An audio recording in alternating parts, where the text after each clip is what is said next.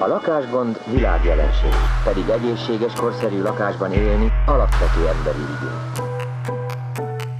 Lépjünk ki abból a megszokott megközelítésből, kocka, egyenes, nem legyen benne valami szerelem, valami szellem, valami, valami invenció, valami, ami húz.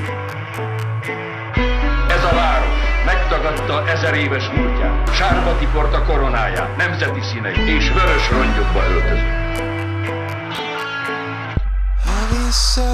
Visszagondolsz rám a város másik oldalán, látod minden valóra vált. Sziasztok! Ez itt a Város másik oldalán podcast második adása a Partizán csatornáján. Én Sudár Orsolya vagyok. Én pedig Takács Ákos, sziasztok! Ugye ez a második adásunk, az előző adásban bemutatkoztunk, és az illiberális Budapest fogalmi és gyakorlati kérdéseit taglaltuk, most pedig, ahogy ezt előre vetítettük, a rendszerváltás és Budapest kapcsolatát fogjuk egy kicsit elemezgetni. Tehát, hogy, hogy miért gondoltuk, hogy a rendszerváltásról kell beszélni, mint, a, mint Budapest történetében egy fordulópont. Szerintem történelmileg valamennyire így adja is magát, ugye ez a, ez a téma, mint Közép-Kelet-Európában az egyik legfontosabb esemény az elmúlt száz évből, és hogy véleményem szerint ez egy különleges téma abból a szempontból is, hogy van egy kulturális képzetünk a rendszerváltásról, amit a berlini fal radikális és a vulgáris, már mint hogy hétköznapi emlékezetben egy ilyen kalapácsütésnyi lebontása jelentett, és aztán persze ez nem így volt, mert sokáig állt még a berlini fal, de hogy a rendszerváltásról van egy ilyen, tudom, hogy ez mitosznak számít el, de egy ilyen emlékezett politikai momentum, hogy ez egy pillanatban történik, és akkor ott beindulnak mindenféle liberalizációs folyamatok. És hogy Budapesten, meg hát Magyarországon ezek komoly következményekkel is jártak, amik hatással voltak arra, hogy hogy élünk a tereinkben, és hatással voltak arra, hogy miért jutottunk el odáig, hogy hogy az illiberális Budapestről beszélünk 2021-ben, és ahogy ezt az előző részben is így igyekeztünk felvázolni, hogy az illiberális Budapestnek az előzménye liberális Budapest, ami, ami a rendszerváltással kezdődik el. Mik történtek, milyen ilyen emlékezetes dolgok történtek Budapesten a rendszerváltás után? Kettő dolog miatt is nehéz. Egyrészt amiatt, hogy 1991-ben születvén tehát egyrészt emiatt az időbeli korlát miatt vannak csak nagyon szorványos tapasztalataim, vagy mondjuk ilyen, nem tudom, média emlékeim, vagy emlékképeim uh-huh. arról, hogy mi történt konkrétan Budapesten, bár ugye a rendszerváltás, nem tudom, országos jelentőségű eseményeinek is a nagy része nyilván Budapesten történt, a másik pedig ugye az, hogy én 2010 óta, ezt az előző adásban nem is mondtam, vagy hangsúlyoztam, én 2010-ben költöztem Budapestre, tehát én nem voltam budapesti lakos a NER előtt. Uh-huh.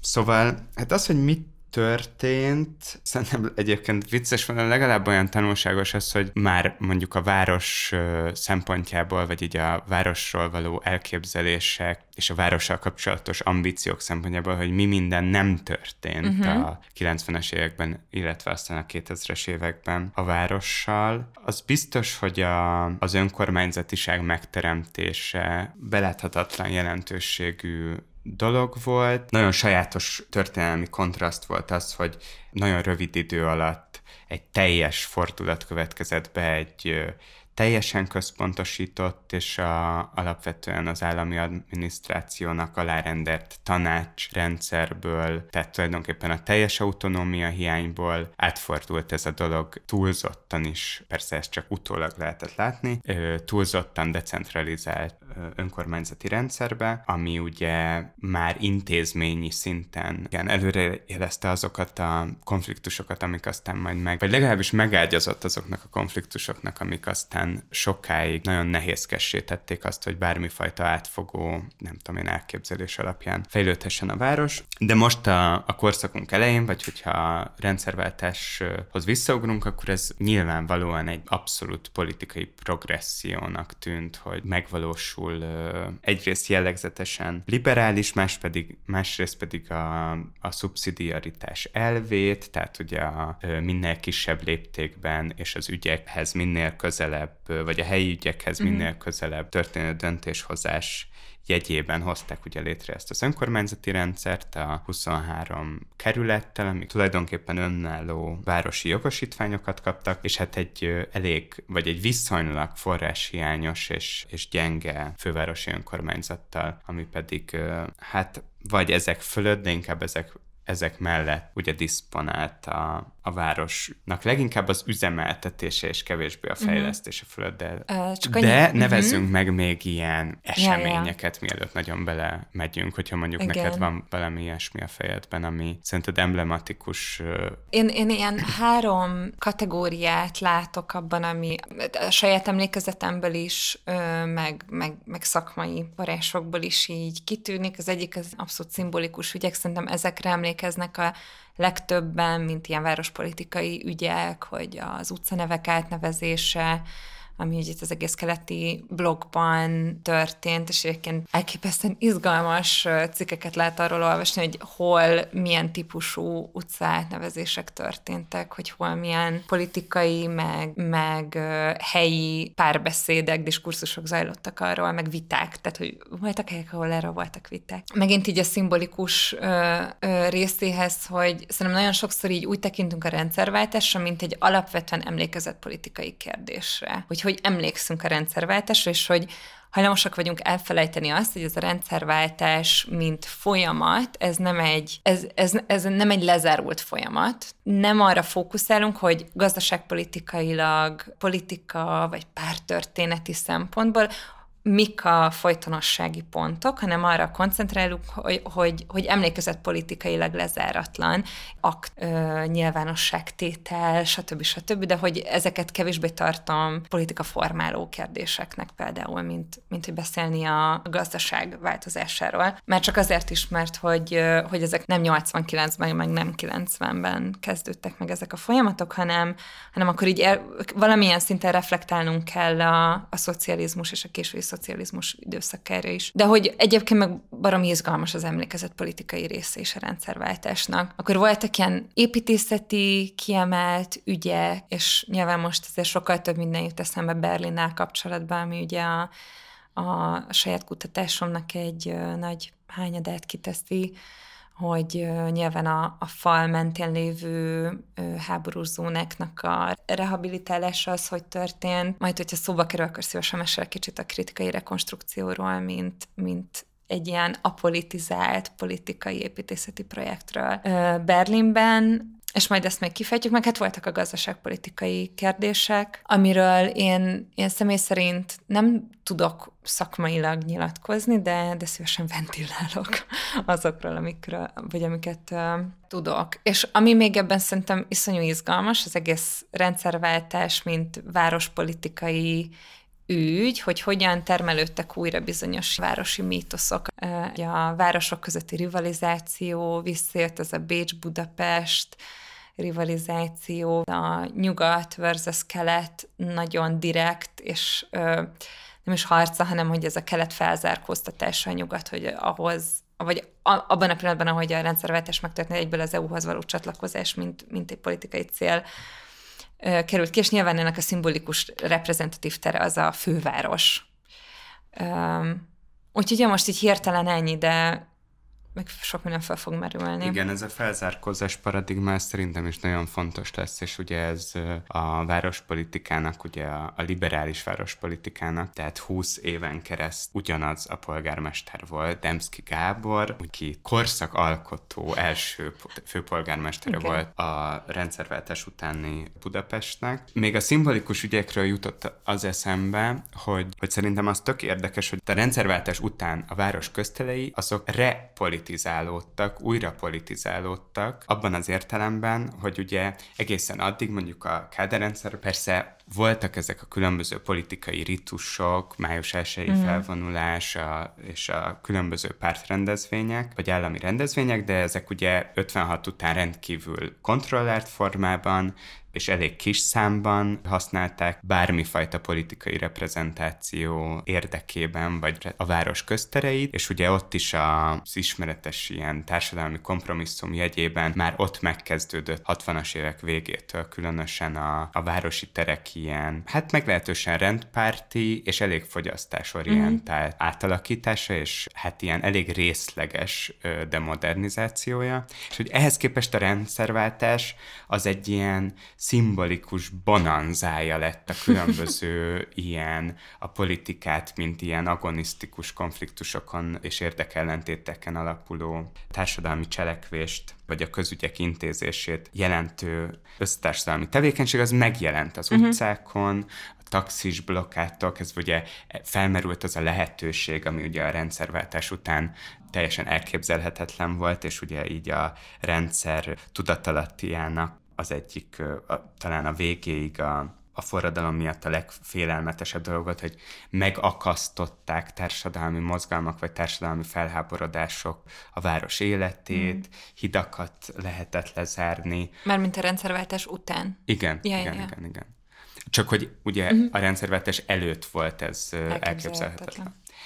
Illetve hát a másik ilyen nagyon érdekes, és ez azóta azért megszűnt, hogy a városi tér egy, egy jó pár évre a legkülönbözőbb társadalmi konfliktusoknak és az egész rendszerváltás utáni gazdasági és társadalmi feszültségeknek, meg így a társadalom korábbi szövete felbomlásának a, az ilyen színháza lett tulajdonképpen, uh-huh. és itt arra gondolok, hogy gondoljunk bele, hogy a 90-es évek végén a különböző maffia leszámolások is a város legkitüntetettebb yeah. pontjain zajlottak.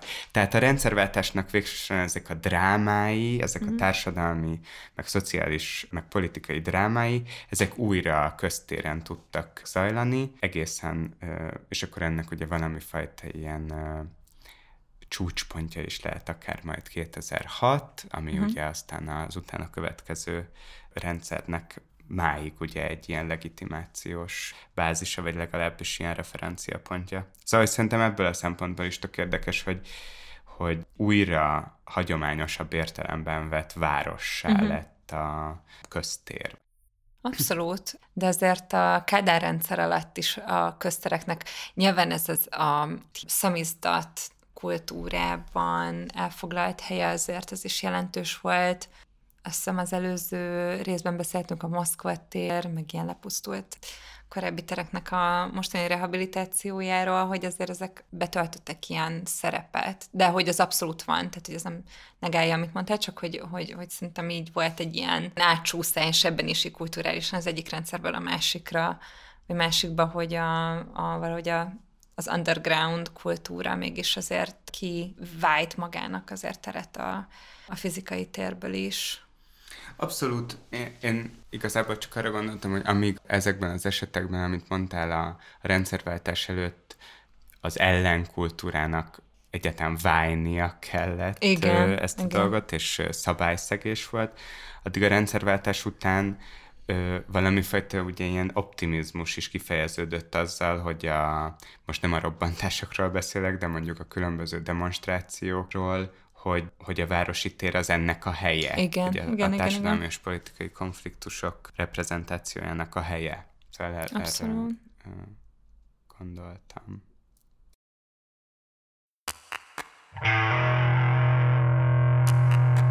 Az egyik olvasmányunk erre az epizódra egy kötet, aminek a címe a Budapest modell, liberális várostervezés, azt hiszem ez az alcíme, aminek az egyik szerzője, Demszki Gábor. Egészen pontosan uh-huh. Budapest modell egy liberális várospolitikai kísérlet.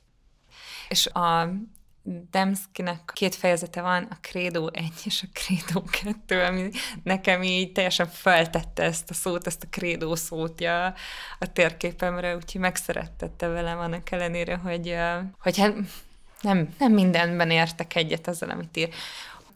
A kötet az lényegében azt taglalja, hogy van a Budapest modell, ami a rendszerváltás utáni liberális város tervezési kísérletet írja le, és nagyon sokat megtudunk arról, hogy mitől lesz egy város tervezés, vagy egy városvezetés liberális. És nagyon sok minden elhangzik. Például olyanokat ír Adamski, hogy ez a harmadik utas hozzáállás, hogy el kell fogadni a globális kapitalista piacot, és hogy a piaci logika szerint kell a város tervezésében és a város vezetésében döntéseket hozni. Ez nyilván a, a korábbi politikai rendszerhez képest, hogy mondtad is, egy decentralizációt jelentett, egy erős decentralizációt, és, és azt is, hogy az állam szerepét minél inkább csökkenteni a különböző városrészek vagy városok önkormányzati hatáskörében. És, és ja, mondjunk erre példákat, hogy ez miben jelent meg, vagy mi, miben kimutatható Hát ugye ez a Credo, ez egy ilyen több mint tíz évvel későbbi ilyen utóracionalizálása a mindannak, ami egyébként megtörtént. És ugye itt arról van szó, hogy az a paradigmaváltás, ami egyébként, és erről a második részben majd beszélünk részletesebben, ami egyébként mondjuk a 70-es évek közepétől, végétől az egész világon, de főleg ugye a nyugati világban, vagy a transatlanti térségben megtörtént, vagy kontextusban megtörtént, az ugye a rendszerváltás után rárontott és hatalmas intenzitással nagyon rövid idő alatt Budapesten is megtörtént, és itt arról van szó a Demszki féle krédókban is, hogy nincsen más lehetőség, mint hogy a város vezetés az lemondjon bármifajta ilyen, tulajdonképpen ilyen proaktív beavatkozásról a, a város életébe, épülésébe, a különböző szakpolitikákba, vagy a szakpolitikák területén is, és hogy egy ilyen menedzseri szemlélettel tulajdonképpen azt biztosítsa, hogy a hogy a híres láthatatlan kéz, ami a piaci szereplők közötti viszonyokat ilyen önműködően valahogyan majd egyensúlyba hozza, az, az működni tudjon, és, mm. és hogy az ehhez a peremfeltételek és tényleg az ilyen minimális infrastruktúra mind nem tudom, bürokratikus értelemben, mind pedig materiális értelemben az adott legyen. És ugye erről szól a, szólnak ezek a szövegek, ezek kifejezik azt a konszenzust, ami szerintem egyébként nem csak ezt a korszakot jellemzi, hanem ami egyébként azóta is a konszenzus uh-huh. alapját szere- jelenti a várossal való gondolkodásban. Igen, csak egyet tennék hozzá, hogy, hogy a másik ilyen alaptétele ennek a krédónak az, hogy a liberalizmus az győzelmet aratott a szocializmuson a rendszerváltással. És ez egy tök érdekes alaptétel, szerintem ami nélkül nem működik az egész elgondolás, hogy valójában győzött a szabadság elve, és győzött a, a szabad piac elve, és győzött a liberális piacgazdaságnak az elve. Szóval, hogyha ezt kivennénk a képletből, akkor az egész érvelés nem, nem működne, ez most csak egy ilyen mellékes, ezért csak nekem ez így nagyon tetszett, hogy ezt ilyen teljesen vállaltan így le is írják, hogy itt győzedelmeskedés történt, és teljesen történelmietlenül tekintenek egyébként a város szerepére a, a rendszerváltásban. Igen, és hát ugye ün, ünneplik a szabad elvűség visszatérését, ami ugye a pont a már említett századfordulós vagy 19. század végi aranykorban is Budapest tehát tulajdonképpen felépítette, uh-huh. és uh, ugye ez itt is meg, abszolút megjelenik a liberális oldalon és hivatkozási vagy referenciapontként, és a, a másik, ami még itt fontos, hogy igen, és a, a szabadságnak ez a fajta értelmezése, ami ugye elsősorban piaci, a piac uh-huh. szabadságát jelenti, az itt 2003-ban még az is nagyon markánsan kiolvasható, hogy ez a szabadság, ennek a szabadságnak a kiteljesítése az az, az elsődleges, és ehhez képest a társadalom és egyébként a város szövetének a felfestlése vagy bomlása is, és az ezzel járó krízisek, azok ilyen járulékos vesztességek, amit ilyen partikuláris szociálpolitikákkal, meg beavatkozásokkal uh-huh. lehet korrigálni, de hogy ez egy ilyen, mondom, ezt, ezt egyszerűen be kell számítani de hogy a, a fontos az, az az, hogy, hogy ezt a fajta liberális projektet kiteljesítsük.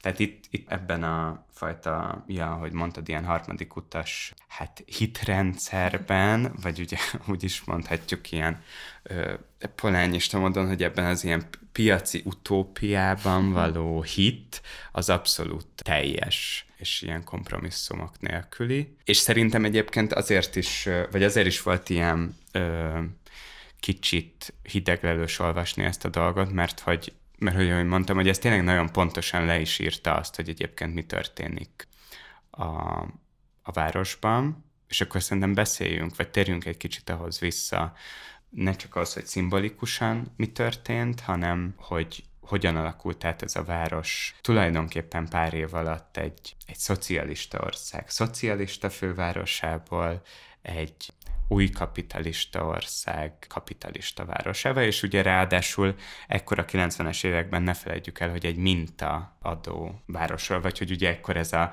Magyarország, mint a közép-kelet-európai posztszocialista államok ilyen éllovassa tematizálódott az ilyen nyugati diskurzusokban, amit persze itthon is átvettek, és ugye ennek volt egy ilyen kirakata Budapest ennek az éllovasságnak. Igen.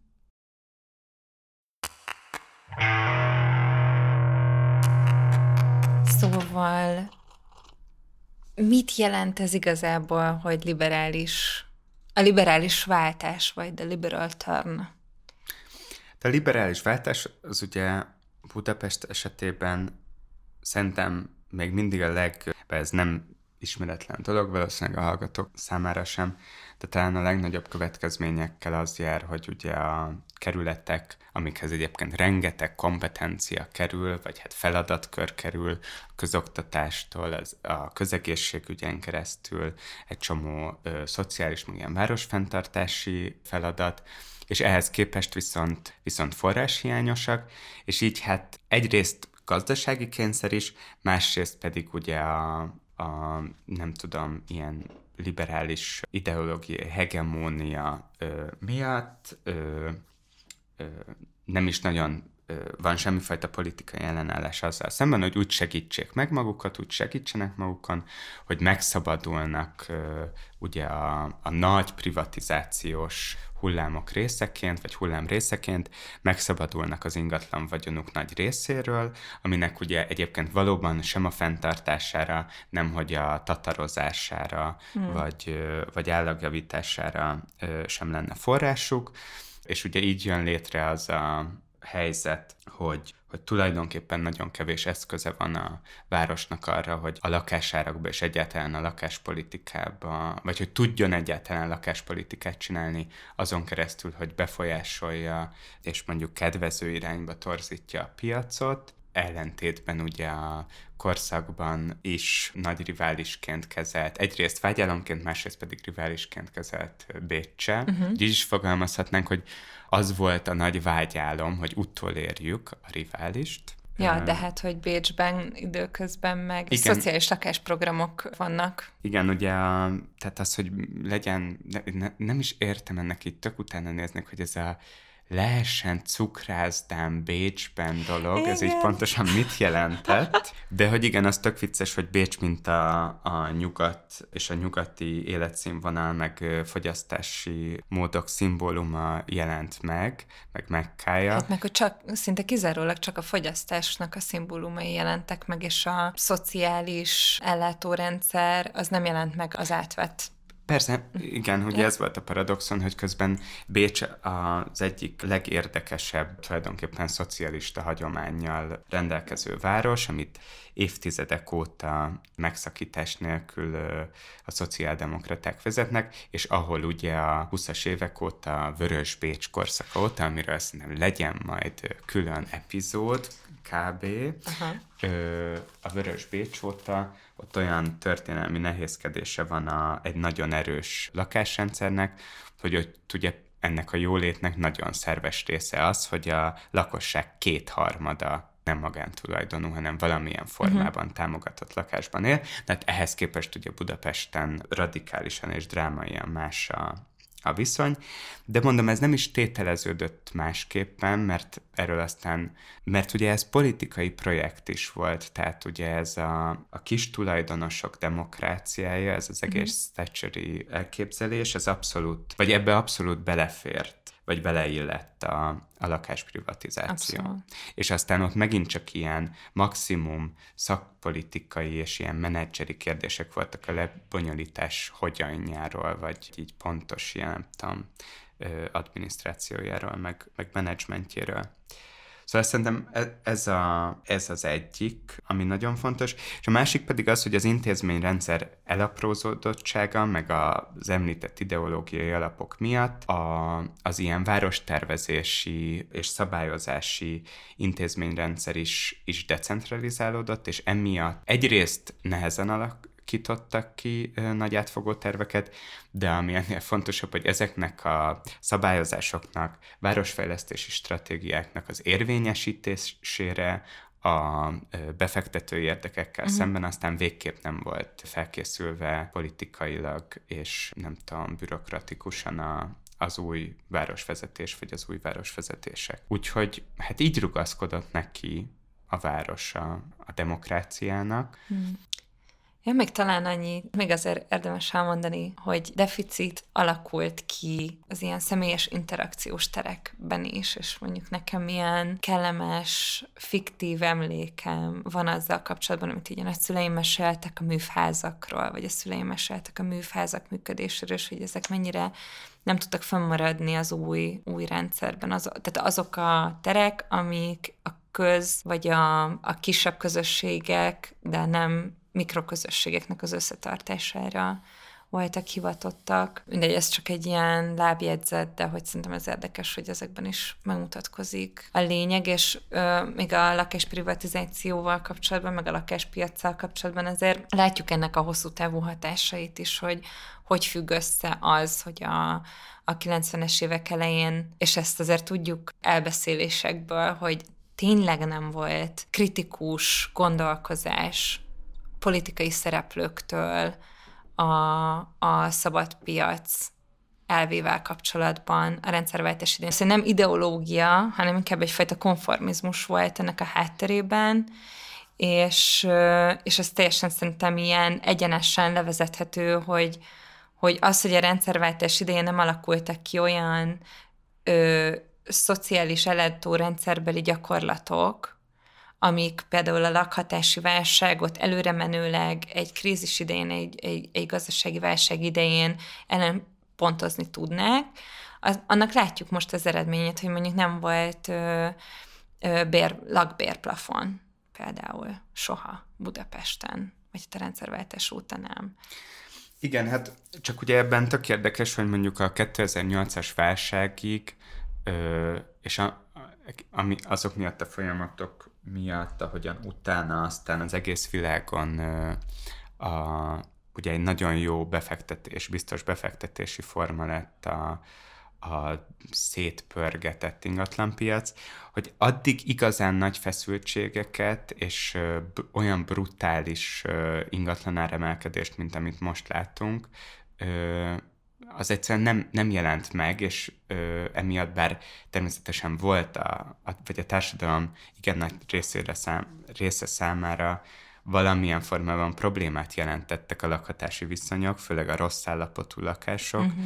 meg a közszolgáltatások alacsony színvonal, de mégsem lett olyan kielezett, ez az egyik, a másik, hát meg ami nagyon fontos, hogy most ugye miért képes a lakhatási válság tematizálódni, mint probléma, mint feszítő probléma, azért, mert elérte a, a középosztályt is, vagy a ja, középosztálynak a bizonyos szegmenseit egyrészt, másrészt pedig ugye generációs szempontból is ugye a, egyébként a rendszerváltás, a rendszerváltó nemzedék gyermekeinek ugye már elég, tehát abszolút húsba vágó ez a, ez a kérdés. Tehát itt megint csak van egy ilyen, egy ilyen tematizációs kérdés, hogy ez mindig csak akkor tudja elérni a, a, a közbeszédnek az inger küszöbét ez a kérdés, hogyha a nyilvánosságot alakító társadalmi rétegeket is érinti ez a, ez a baj. Szerintem meg ez hozzájárult a, az, amire egyébként a, a, a NER így jól ráérzett, hogy 2008 után így berobbant a nemzetközi turizmus, mint egy ilyen, mint egy ilyen abszolút hétköznapi tevékenység, hogy hamarabb mennek el az emberek Máltára 8000 forintos vizerre, vizerjegyel, mint Balatonra. És, és hogy ez Budapestet is úgy érintette, ami, ami ugye ez az áhított ilyen, legyen Budapest turisztikai központ, és ez megtörtént, és akkor látjuk, hogy ez, ez eléggé hátrányosan érinti Budapest belvárosának a lakosságát.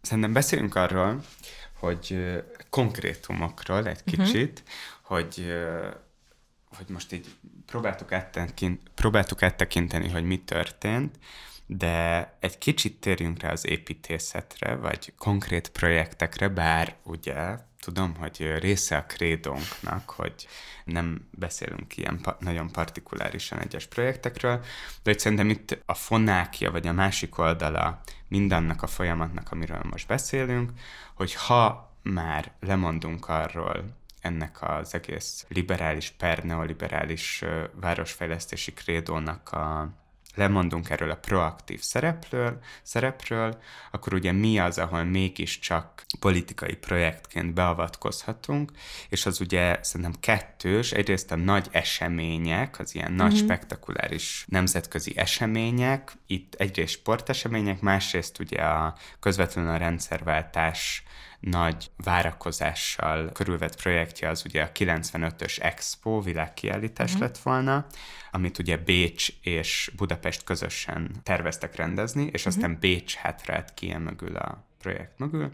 És ugye ez egy nagyon érdekes, mert mint építészeti meg városépítészeti szempontból is érdekes, mert ez a, egészen egyébként szerintem a 2010-es évek második feléig ez volt a, a, talán az utolsó olyan lehetőség, amikor tényleg város léptékben készültek, és egyébként főleg magyar, főként magyar építészek által hát víziók vagy tervek arra, hogy a főleg Pest és Buda déli részével, Lánymányossal, meg ott a most milleniumi uh-huh. városközpont névre keresztelt Nemzeti Színház környékével kapcsolatos uh, nagy tervek. Ugye ott, ott lett volna ezen a területen az expo. Szóval ez szerintem az egyik, a, a nagy, nagy események, mint amik tulajdonképpen ilyen katalizátorként tudják a, a globális városok versenyében egyrészt megjeleníteni, tehát a,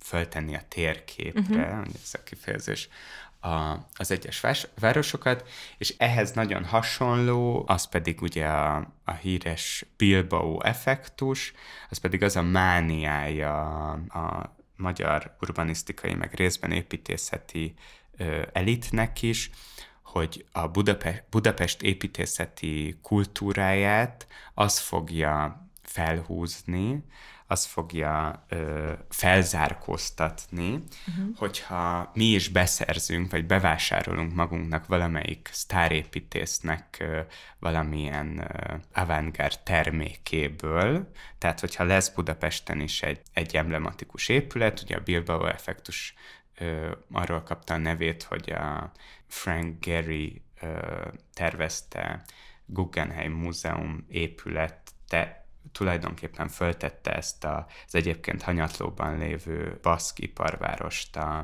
a városok globális versenyében a térképre, és ott tényleg mondjuk az az egy, abban az egy elszigetelt esetben egyetlen ilyen beruházás képes volt a, az építészeti értéket, nem tudom, ilyen márkaként használva, vagy brandként használva felhúzni a városfejlődést, és ez volt a másik ilyen nagy mítosz, vagy uh-huh. ambíció, hogy, hogy ez majd mindenre megoldást jelent.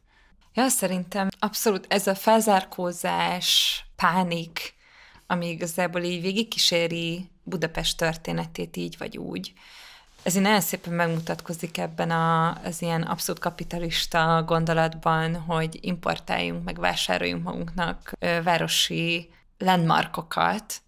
Tehát, hogy, hogy ez abszolút ö, szerintem jellemzi a liberális Budapestnek a, tehát hogy az, amiről a krédó szól, hogy piac van, a piaci, a piac alakulása fogja meghatározni azt, hogy ez a város, ez hogy néz ki, és kik laknak benne, és hogy laknak benne. Ja, szóval, hogy, hogy, hogy ezeken egy abszolút látszik, vagy egyébként is szerintem jel, vagy, ö, jellemezte a 2000-es éveket egy ilyen, sőt, hát a 90-es éveket is, a Dél-Koreával való ilyen mániás összehasonlítás, hogy, hogy be kell lépni a, a neoliberális globális kapitalizmusba. A kis tigrisek. Igen, igen, és rá kell cuppanni a technológiára, és, és el kell kezdeni gyártani, gyártani, gyártani. És hogy persze ez nem történt meg, és akkor van egy ilyen kritika, hogy egyébként azért ezért nem történt meg az a fejlődési robbanás, ami Dél-Koreában, igen, mert hogy nem röpült, röpültünk rá időben ezekre a nagypiaci trendekre, hanem megmaradtunk a, a hagyományosabb, ilyen posztszocialista piaci trendeknél. De persze ezt nem az építészet fogja nyilván így feloldani, ezt a dilemmát, viszont azért elég erősen leképeződik a, abban, ahogy így a város politika alakult a 2000-es évek közepéig. Igen, és szerintem ennek a korszaknak egy ilyen nagyon érdekes dokumentuma a György Péter írt egy furcsa könyvet, szerintem azért furcsa ez a könyv, mert Budapestről elég kevés ö, olyan könyv készült, ami a városról ö, és a városban megjelenő, vagy a várossal kapcsolatos gondolkodás ból kiolvasható ilyen városeszményeket, városelképzeléseket, a, tényleg az épített környezeten és az abban bekövetkező változásokon keresztül próbálja olvasni, és mégiscsak valami fajta átfogó képet próbál adni. Szóval ez egy 93-as könyv, azt hiszem, hogy Gyurkó Zsolt fotóival, uh-huh.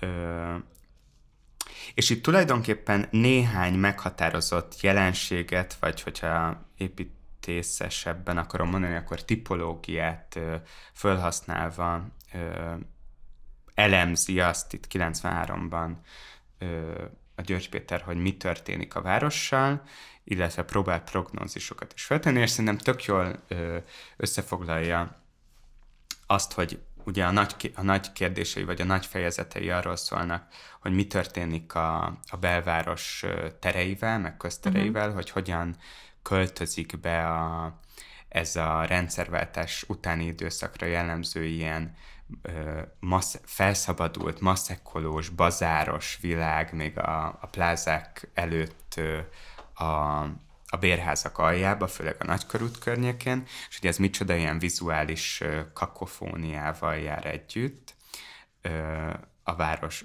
a közterek tekintetében, és mit csoda ilyen nem csak vizuális, hanem társadalmi és kulturális ilyen fragmentációval, akkor ott van a lakótelepek kérdése, mint a pár év alatt teljesen letűnt világ ilyen monu- furcsa monumentumai, aminek ő egyébként az azóta eltett időben kiderült, hogy a prognózisa, hogy a lakótelepek elszlömösödnek, ugye ez akkor egy mm. ilyen nagy félelem volt, és gettósodnak, ez ugye teljesen ö, ö, hát hamisnak vagy, vagy helytelen prognózisnak bizonyult, mert ezek máig elég jó állapotban vannak, és elég népszerűek. Pont most olvastam egy cikket, hogy lassan 750 ezer forintos négyzetméter ára van a hmm. jobb lakótelepen a, a panellakásoknak is.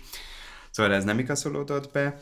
Ami szerintem nagyon fontos, és nem hagyhatjuk ki a rendszerváltáskori Budapestből, az egy egész fejezet szól Finta József mhm. építészetéről, aki szerintem tényleg az, az egyik utolsó a város arculatát meghatározó építésze volt. Ugye ő itt ezt a high-tech ezt az esetlenül és a megfelelő gazdasági és technológiai háttér hiányában ilyen sután lemásolt high-tech mm. építészettel azonosítja Fintát a György Péter, és megint csak az, hogy hogyan képez az egyébként leromlott és ilyen beruházás meg rehabilitáció hiányos történelmi városszövetben hogyan képez, megint csak visszatérünk ez a sziget metaforához, hogyan képezi az új ilyen neoliberális posztmodernitásnak a szigeteit, az irodaházaival, a luxus szállodáival, amit ugye ő kics, kicsit ilyen Disneyland-szerű enklávékként azonosít. Ja, ja.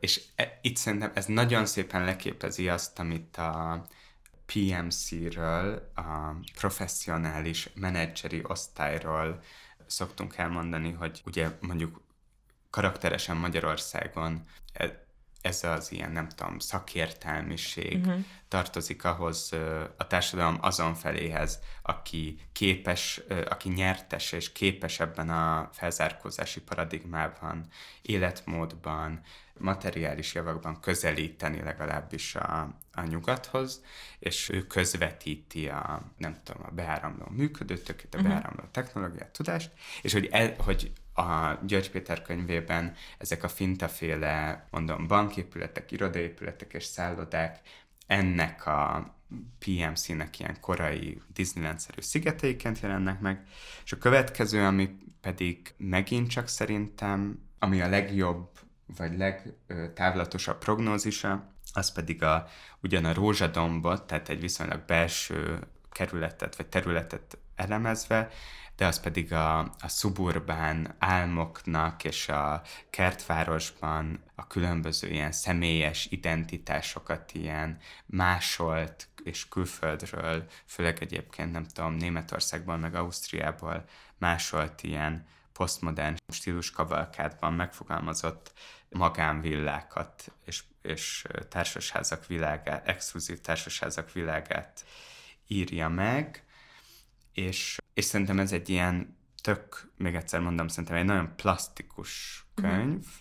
sokkal borulátóbb egyébként, tehát ő ilyen teljes balkanizációval, vagy harmadik világosodással számol, és hogy ezek a, az enklávék tényleg egy ilyen teljesen szétesett, és mindenfajta integráció, és, és ilyen köztéri interakció, vagy közös nyilvánosság nélküli várost feltételeznek, ez ebben a formában nem következett be, mint hogy ebben a könyvben olvasható, de ettől függetlenül szerintem érdemes elolvasni ezt a könyvet. Nem tudom, te mit gondoltál róla? Ja, amúgy a címe az Utánzatok városa Budapest. Ja, hát nekem ami... ami... Ja, igen, uh-huh. mert hogy ez pont erről az importról szól, amit, igen. Ö, amit leírtál, igen. Igen, igen, és mondjuk nem sokat beszél a György Péter ebben a kötetben arról, ami, ami nekem mondjuk az egyik ilyen, ilyen kapudrogon volt az építészet történet felé, ami pont ez a Bécs-Budapest közötti ilyen replikációs hajlam, ami nekem nagyon érdekes volt ebben a, a kötetben, az pont ez a, a pessimizmus, ami így áthatja. Tehát, hogy 93-at írunk, és abszolút pessimistán látja a György Péter Budapest jövőjét, illetve egyszerre látja azt, hogy, hogy amit itt a finta műveknek hív, ezt a, a nyugat ígéretével. Tehát igazából, amit ő kiemel, az az, hogy a nyugat ígérete az elkerülhetetlenül, óhatatlanul perifériára fogja szorítani a magyar gazdaságot és a főváros esztétikai, kulturális, építészeti és gazdaságpolitikai szerepét.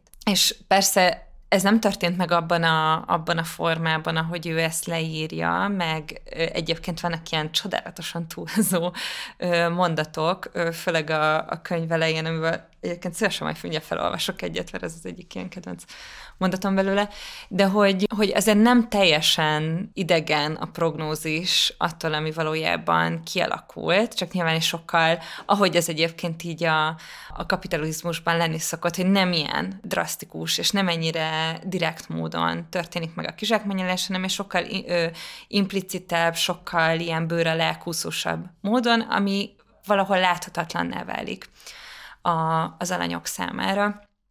Úgyhogy nekem ez mint kordok, erről is beszéltünk korábban, hogy ez egy ilyen kordokumentum, ami szerintem szépen bemutatja ezt a, a, az értő pánikot, ami a rendszerváltással együtt járt.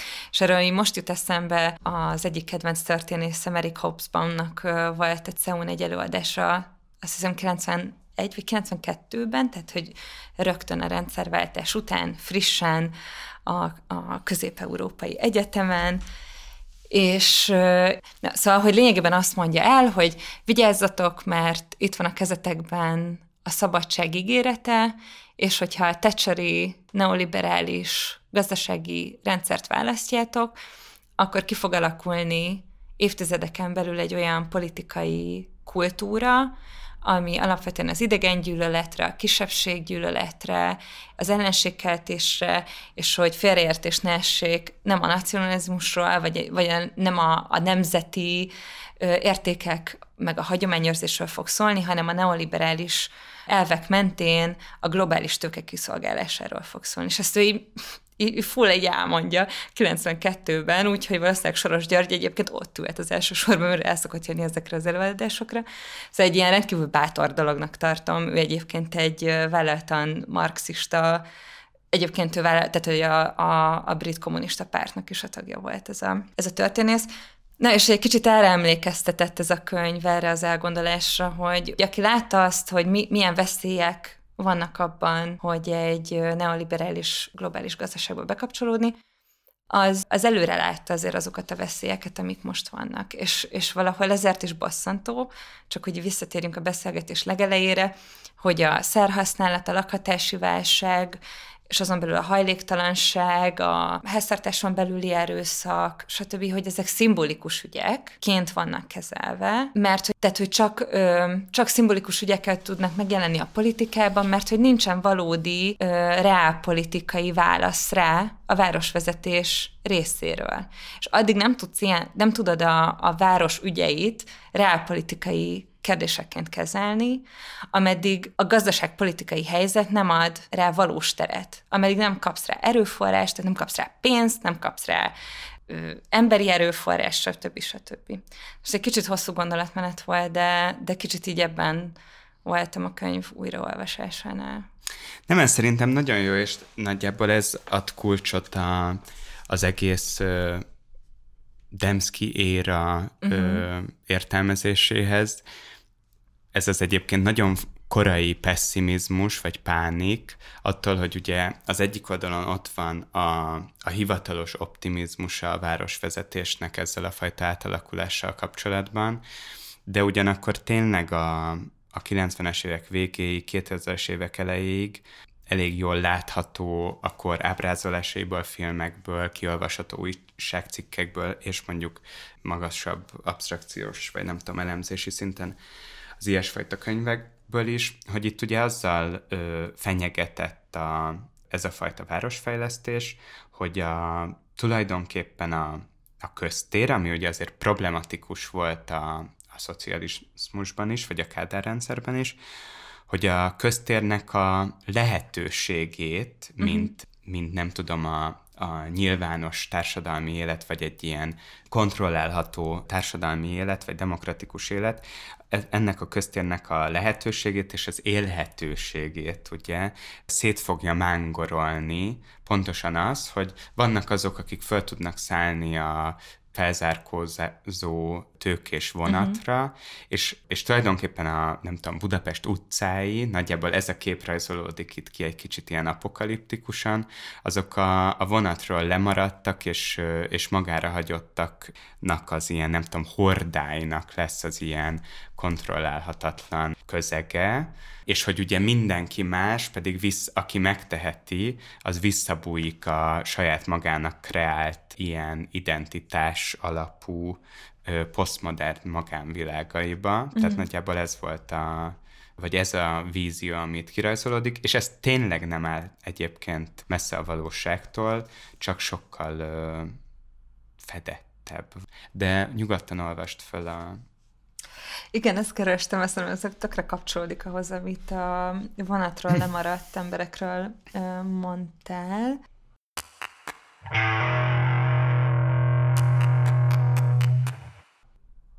Jó, megvan. Tehát a nyugati oldalában állt hajdan a West End ház, melyet kifejezetten a környezetesztétikai, illetve szlamosodási problémákra hivatkozva bontottak le a tér új képének megrajzolásakor. Az épület helyén ma az azonos nevű pavilon sor el, amely egyébként a német motoros klub nem túl civilizált vándorai és a balkáni kábítószer csempészek találkozási helyéül szolgál. A hajdani nagykörút a Schlager szerint is a város Grand Boulevardja, és mellékutcái a metamorfózis talán legdöbbenetesebb példáit mutatják hiszen tagadhatatlan, hogy a környék már a dzsungel lett, a legjobb úton van afelé, amit gettónak hívunk. Az eklektikus bérpaloták sora és a néhány, még ma is lenyűgöző szecessziós tömb egy tovatűnt korszak tanúi között tombol a prostitúció, a Balkánról, Ázsiában menekültek tömekei, mocskos utcagyerekek százai fuldoklanak a tereken. Igen, ezért mondtam azt a szerencsétlen kifejezést, hogy balkanizációjától Igen. tart a városnak György Péter ebben a könyvben, de hát meg Igen, de hogy ebből ez egy kordon, szóval nem, ezért nem bebizonyítani akarom, hogy György Péter ö, nem tud, ö, nem tudom, civilizáltan beszélni, vagy nem volt ezért Szóval ez most nem egy PC-sítési kísérlet a részemről. Szóval én itt nem gondolom, hogy a György Péter ne látta volna az azonosulási pontot Magyarország és a Balkán között. Tehát ő nem attól fél itt, hogy beözenlenek a, a nyugatiasodás útjára lépett Budapestre a balkáni utca gyerekek, hanem, hanem hogy itt egy az egyben az egész térség, az egész posztszovjet térség, meg posztszocialista térség, az egy az egyben összefolyik, mint egy lefolyó a, az új gazdasági rendszernek a szimbolikus terein, vagy ilyen közterein, mint a Moszkva tér, a nyugati pályaudvar, stb. És aztán szimbolikus, hogy ugye ez 93-ban írja, és a West End helyén még pavilonok állnak, és most meg ott van a pláza, ami mennyivel jobb, mint a német motoros klub, klub meg a cigarettatáruló. Igen, de szerintem ebből a szempontból viszont tanulságos, hogy pontosan ezek a félelmek, vagy prognózisok, aztán azért a tulajdonképpen a 2000-es évek első évtizedének a végére azért mégiscsak el, elvezetnek oda. Jó, persze itt az EU-s támogatások, felhasználható EU-s támogatások és egyéb beömlő vagy rendelkezésre álló források is fontosak, vagy azokat is figyelembe kell venni, de hogy lesz ugye egy olyan változás, megint csak egy kicsit megkésve, amikor felfedezi azt még az alapvetően a neoliberális alapvetéseket nem megkérdőjelező urbanisztika és várospolitika is, a várospolitika nyilván később ébred rá erre, hogy a, mégiscsak szükség van valami köztérprojektre, tehát uh-huh. itt most arra gondolok, hogy a, ez a belváros fő utcája, Budapest szíve, ezek az első nagy, és ugye már 2000 7-8-9 körül előkészített pályázatokon átfuttatott ilyen köztérfelújítási projekt, reprezentatív köztérfelújítási projektek aztán újra rendezik ezt, uh-huh. vagy, vagy gátat szabnak ennek a fajta balkanizációnak. De hogy ugye aztán végső soron ezek a köztérmegújítási projektek is minden pozitív jellegük ellenére, erről ugye már beszéltünk, megint csak egy olyan logikába illeszkednek, hogy a maga a városi tér ugye az is felértékelődik, mint, mint termék, mint uh-huh. elfogyasztható termék, Igen. mind a turisták, mind pedig a, a városlakók számára.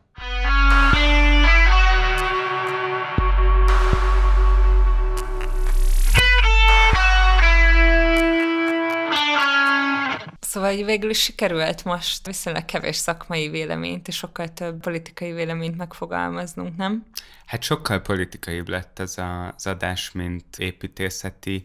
Nem beszéltünk posztmodernről, nem beszéltünk Makovec Imréről, a kultúrharcról az építészetben, úgyhogy így dúsulnak az adásterveink, Igen. de szerintem ez nem baj. Nem, De mert... miért van így, Orsi? Nem tudom, nekem, nekem azt hiszem, hogy a rendszerváltásról sokkal politikaibb a véleményem, mint szakmai.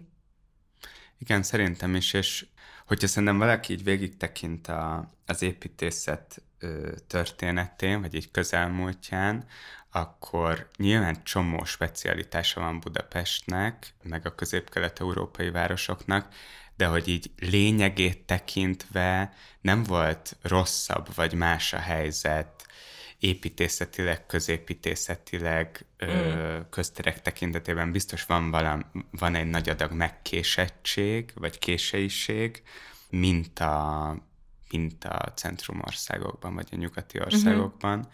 Tehát vannak jellegzetességek, de azok szerintem nem meghatározóak, majd boncolgathatjuk őket, de a legjellegzetesebb dolog az, az abszolút politikai jellegű.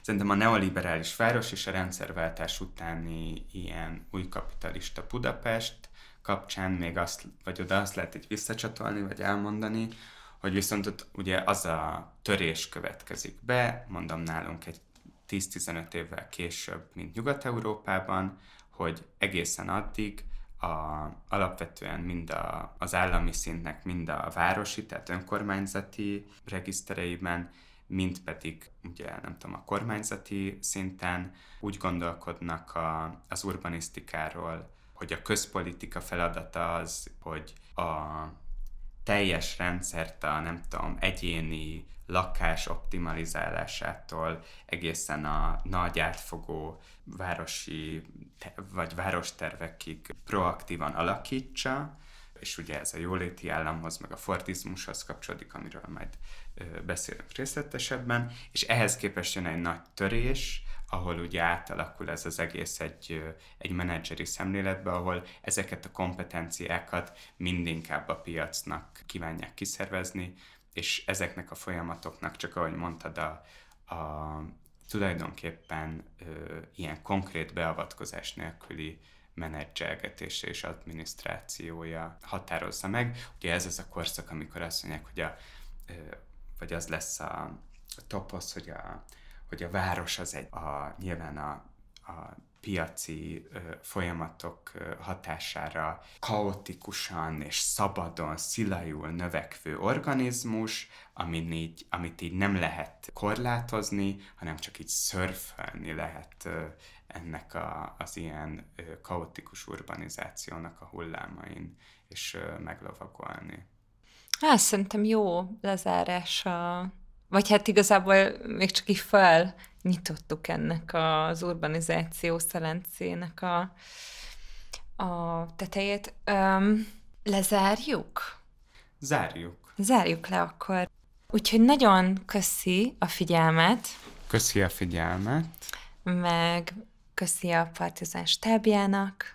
Köszönjük, hogy velünk tartottatok és kövessetek minket a Facebook oldalunkon, az Instagram oldalunkon.